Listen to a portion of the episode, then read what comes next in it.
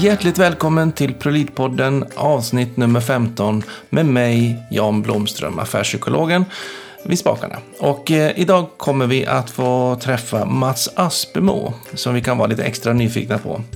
Eh, många känner igen honom sedan tiden som eh, vd för Leksands IF. Men idag så har han ett spännande uppdrag på ett åkeriföretag, Dalafrakt. Och eh, har ett uppdrag att göra en ganska stor omställning från reaktivt till att jobba mer proaktivt i en ganska traditionsbunden eh, bransch. Jag tror att ni kommer att gilla det här avsnittet. Så att eh, luta er tillbaka och eh, välkommen att möta Mats Aspemo.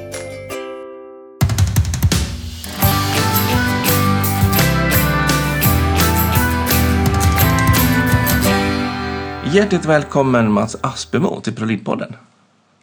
Tack så mycket, trevligt att vara här. Ja, och eh, du är ju en norrlänning som jag är lite nyfiken på. Eh, som eh, har i alla fall eh, jobbat inom hand och fotskydd inom Ejendalskoncernen. Du har varit vd i dotterbolag i Finland i den samma koncern. Du har eh, jobbat sen i allmänhetens ljus kan man väl nästan säga när du var vd för Leksands IF, alltså hockeybolag, eh, hockeyföretaget. Eh, och ehm, där har ju du och jag också jobbat en del ihop när vi eh, fick äran att tillsammans med gänget gå tillbaka upp till SHL. Eller elitserien som det var då. Eh, och sen så gick du därifrån till att bli vd för åkeriföretaget Dalafrakt där du är idag. Det stämmer alldeles korrekt. Jag vill bara korrigera det där på en punkt. Du sa ja. norrlänning, men jag är faktiskt lapplänning. Så att jag är liksom den absolut nordligaste norrlänning man kan tänka sig vara. Jag ber så mycket om ursäkt. ja, ja, det accepteras. Det är inte så lätt. Sundsvall eller Malmberget är samma sak kanske. Det är norr, norr om Dalarna och då är det Norrland. Typ, då blir det norr. som, som, jag brukar höra när, när jag kom, kom in från Dalarna. Så, Åh, bor du ja. i Norrland? Nej, jag bor inte ens i mitten av landet. nej, nej, precis. Så geografin är viktig. Um, Exakt. Så att um, du har ju idag ett uppdrag som uh, att göra ett ganska spännande omställning på, på ditt bolag. Och det är jag himla nyfiken på. Och det föranleder lite grann varför jag vill att vi har våra samtal här idag. Att vi, att vi liksom får, får höra lite grann hur du tänker och funderar kring det. Men om vi börjar med egna ord. Vem är du och hur beskriver du Dalafrakt också sen i slutklämmen? Ja, nej, jag själv, jag är ju som sagt eh, lapplänning. Fyller snart 55 år, hemska tanke. Det har gått väldigt fort. Eh, tämligen optimistisk, utvecklingsorienterad som gärna tar på mig utmaningar av olika slag och landar därför i lite olika uppdrag också. Mm. För jag tror mycket på att, att eh, får man bra människor att samverka i, i bra grupper med goda förutsättningar då, då ger det resultat. Mm. Bästa laget vinner om det bästa laget får bra förutsättningar.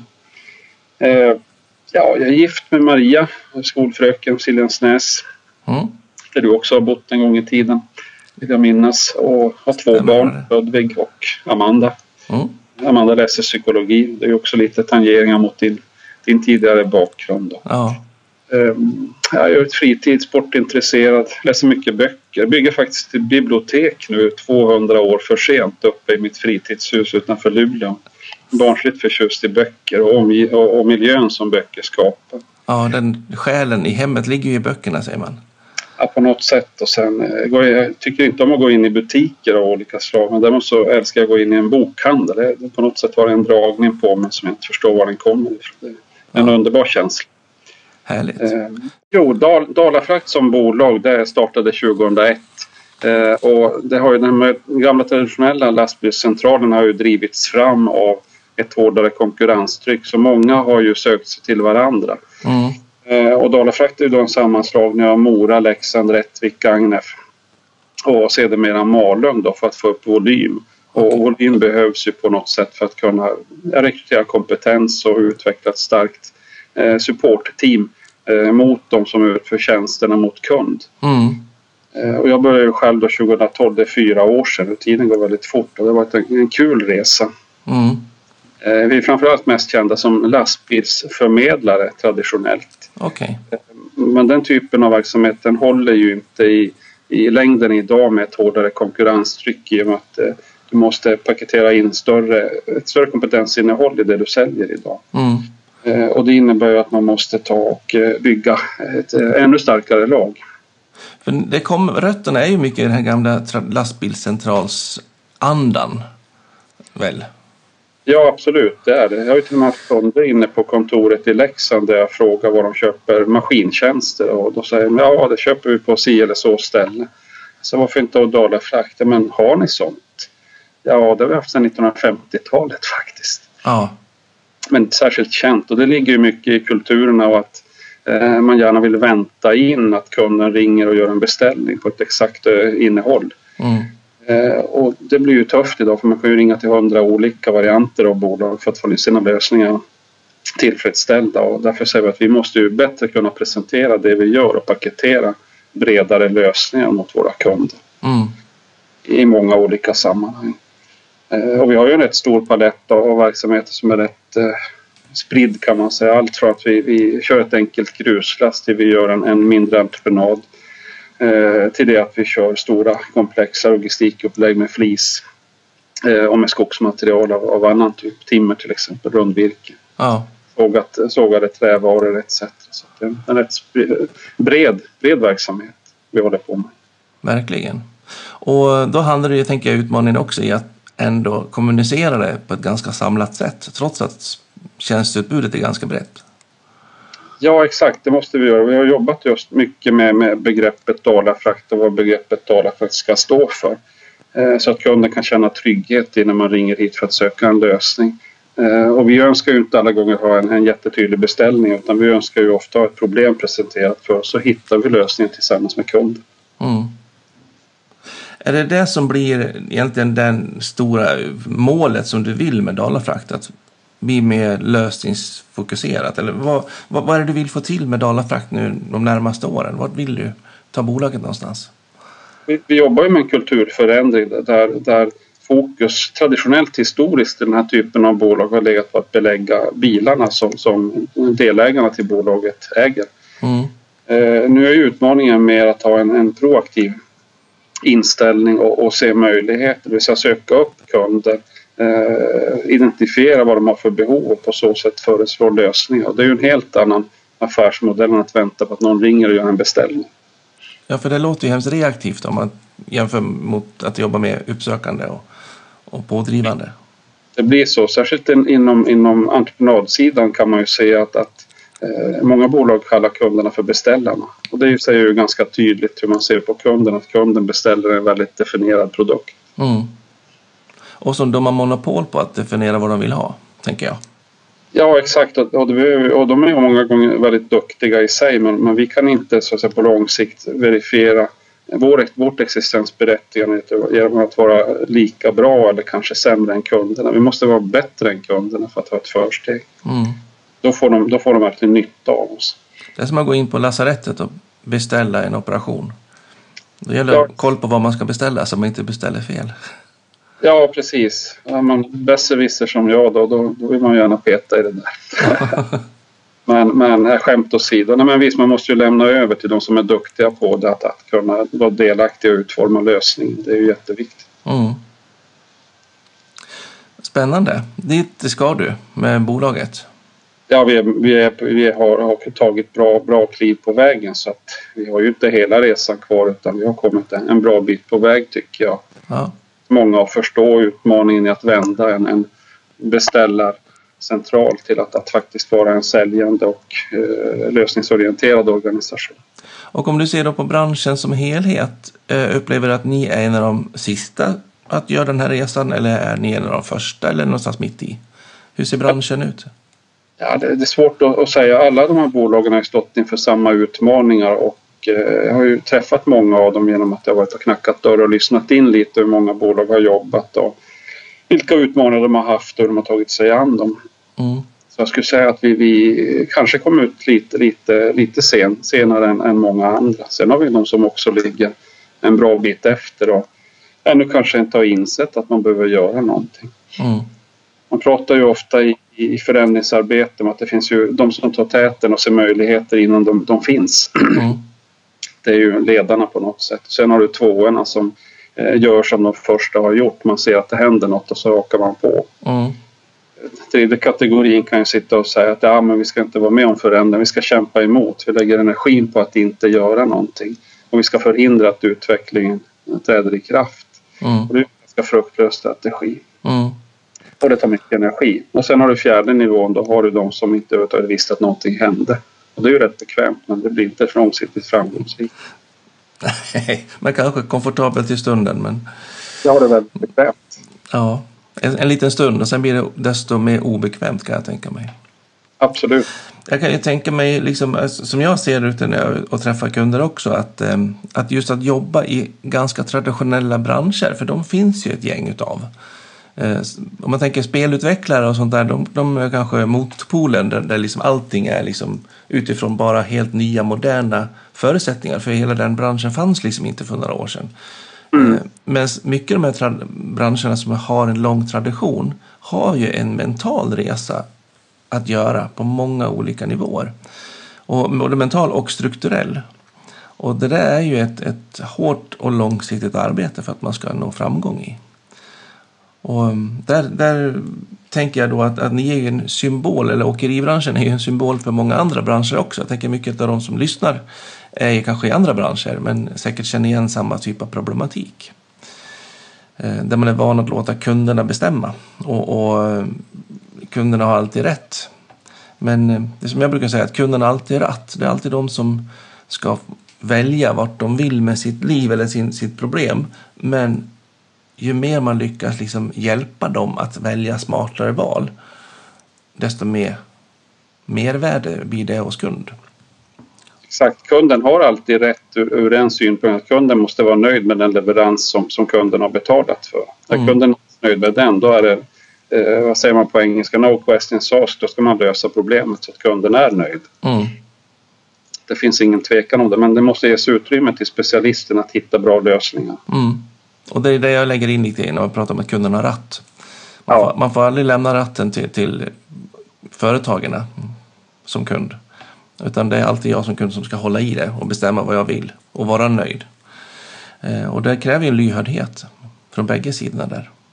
Ja, och det är ju det är som du är inne på det här med att kulturen sitter i väggarna på något sätt. Oavsett vilket bolag du kommer in i så kan man ju känna att det finns en viss känsla i verksamheten. Mm. Och den, den känner man ju av rätt snabbt. Eh, frågan är ju bara varför, varför har det blivit så och varför är det så svårt att, att bryta gamla mönster och vanor? Alla, alla vill ju vara med, alla vill utvecklas eh, och man förstår att man måste göra det för hänga med. Men likförbaskat är det väldigt svårt att jobba med den här typen av frågor. Mm. Vad, vad beror det på, du som har jobbat med många olika typer av verksamheter? Alltså jag ser det som man att man behöver verkligen landa i gemensam målbild. Det, det är prio ett. Eh, att man har samsyn på vart vi ska någonstans.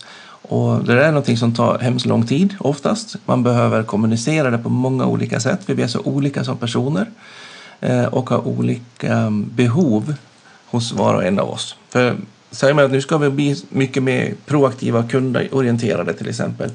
Vad händer med mig som medarbetare då? Vissa bara ja, nu kör vi men andra bara, oj shit, ska jag, tänk om de ser min dyslexi eller tänk om, och, och så bara min personlighet börjar måste liksom fronta och, och liksom ta ställning till. Och, och vad säger min släkt plötsligt kanske?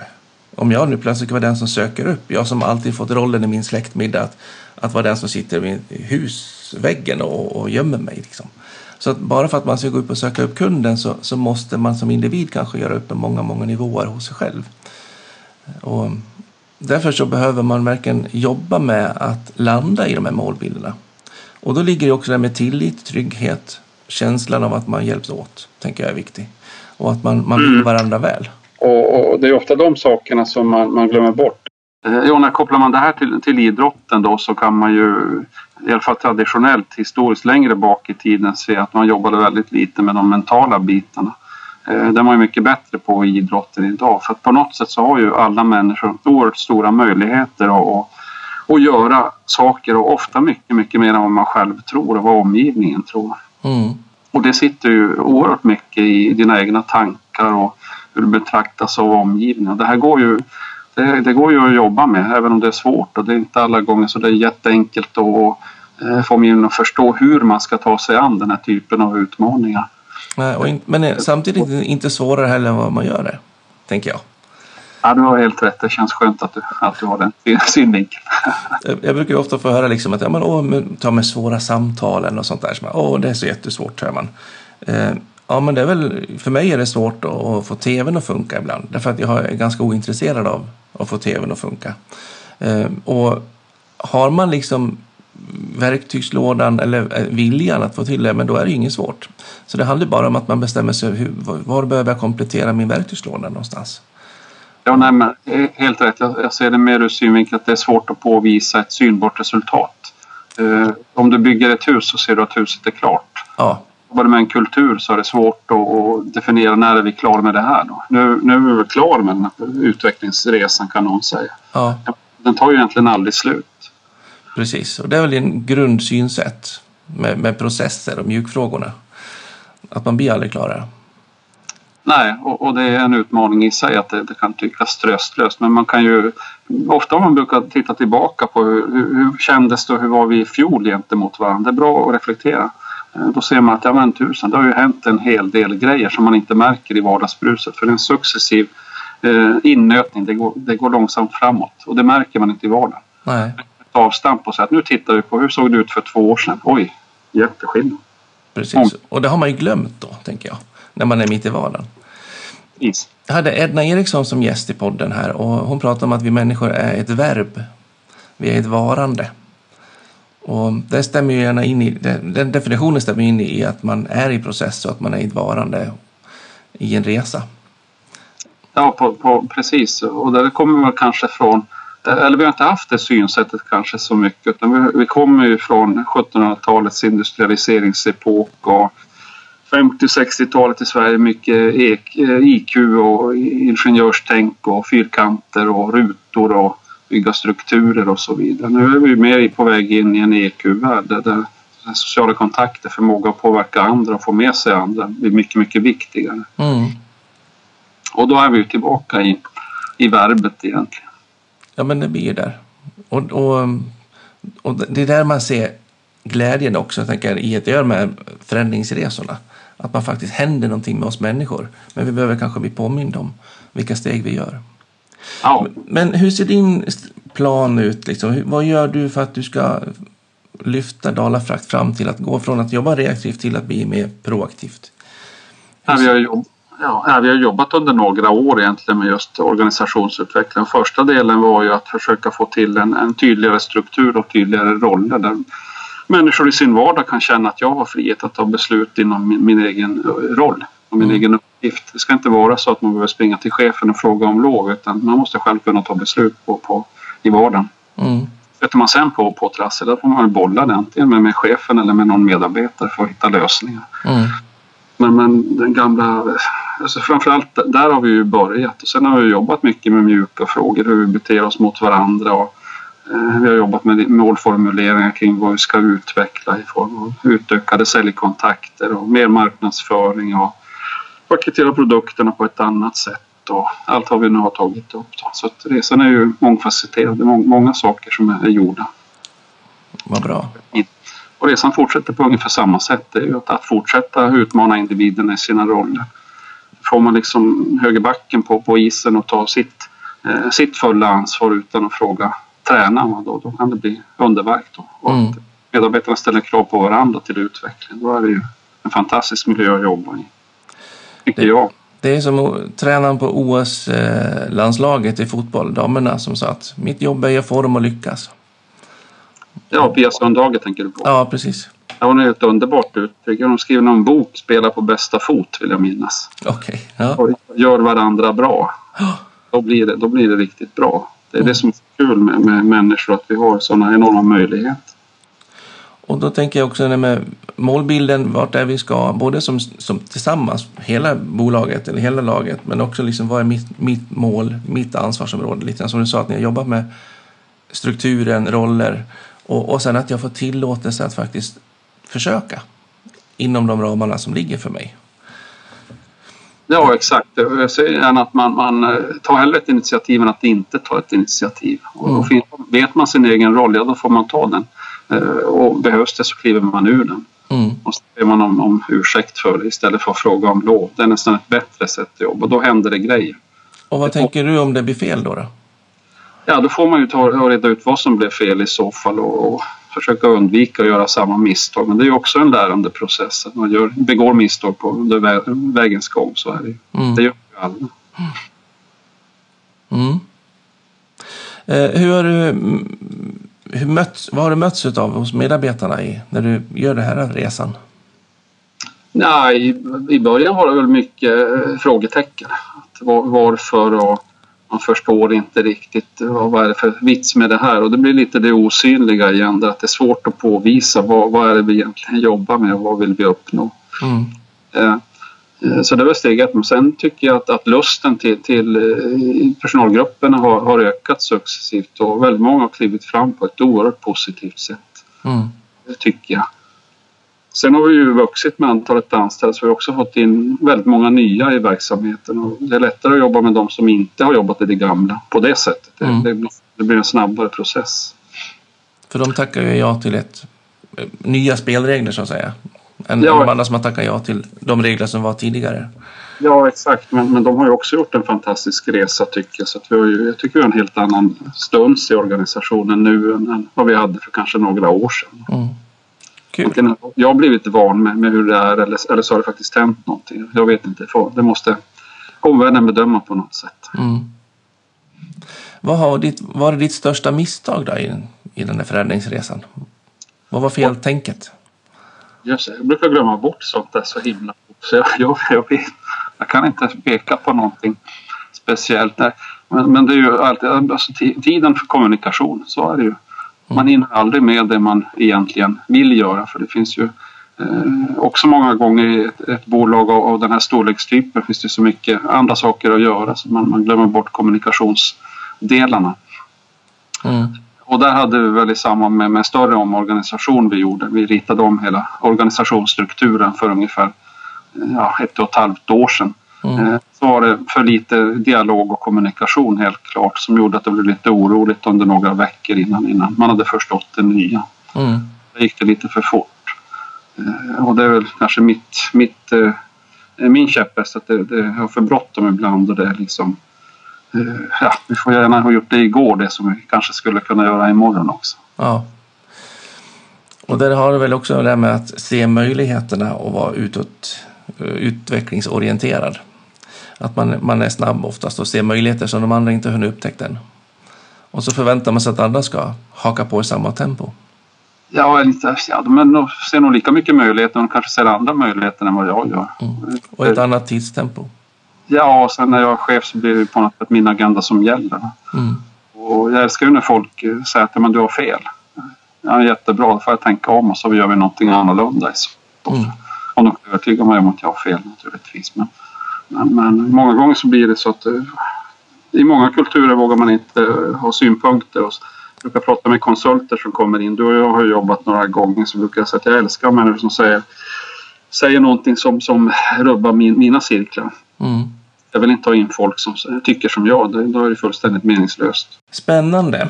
Eh, om du tänker då all, alla lyssnarna som har, är i, i traditionella verksamheter och eh, ska försöka göra deras förflyttning. Vad är ditt bästa tips i deras förändringsarbete? Vad, behöver de, vad vill du skicka med dem? Mitt bästa tips, jättesvårt att, att eh, säga men först måste man ju ha på något sätt måste man ju ha målbilden klar för sig att förstå vad man vill. Eh, vad ska den här resan mynna ut i? Ehm, det, det, är väl, det är väl en sak. Mm. Och sen har du ju, alltså det är ju, det är ju dialog och kommunikation. Alltså det kommer tillbaka till det hela tiden att man måste ha mycket, mycket samtal. Alltså försöka förklara eh, och få folk med sig på resan. Och, kanske inte bara säga till människor hur man ska göra utan få människor att själv prata. Mm. För i den resan så, så kommer ju eh, de individer man har samtal med ofta själv på lösningarna. Det är mycket lättare att genomföra en, en, en lösning om man själv har kommit på den. Mm. Och det, där är svårt. Det landar man ju ofta själv in i att, att eh, man vet hur det ska vara, ha bråttom och säga att så här ska vi på något sätt göra och står och mässar och håller en föreläsning. Och då tänker jag också att om man ska uppmuntra dem att prata i det är ju också att våga vara trygg nog att låta dem vara kanske negativa eller fundersamma och, och vill veta mer och, och att man liksom inte bara förväntar sig att de ska hylla den resan som man är inne på utan faktiskt våga lyfta fram även farhågorna. För det var min erfarenhet att låta dem göra det men ändå guida och lotsa dem och argumentera varför och hur och vart vi ska. Så blir ju de att också växa fram och själv se de alternativen och kanske också förhoppningsvis vara med och bidra till att korrigera målbilden lite grann. Helt rätt och det där är ju jättesvårt alltså för det är ju, en mänsklig reaktion är ju att man, man tar illa upp om någon, någon har en, en kritisk synpunkt på det sättet. Mm. Och då är det ju bra att ha en på sidan om som faktiskt är moderator eller, eller någon som kan hjälpa till och komma in på en mer neutral bok mm. på det sättet. Det är bra. Så, så dialog, ta hjälp och, och eh, försök vara, vara på det klara med varför ni, ni, ni gör resan. Ja. ja, det tackar vi så jättemycket för. Eh, om man vill prata mer med dig, vart kan man få tag på dig någonstans? Ja, då ringer man mig eller mejlar mig. Ja, googla på Dalafrakt, Mats Aspemo. Ja, ja precis. Eller, eller ringer på 0703248282. Eller mejl mats.aspemo dalafrakt.se. Suveränt. Så det... Bara glad att hjälpa till. Ja, och vill man veta mer om ProLead-podden följer man på Facebook eller på hemsidan proleadpodden.se eh, eller följer mig på Jan Blomström på Instagram och på Twitter. Men eh, med det så tackar jag så otroligt mycket för din tid. Jättespännande att få höra din resa och den arbete som du gör. Tusen tack för idag Mats. Tack så mycket, jättekul att vara här. Ja, kanon. Hej. Hej då.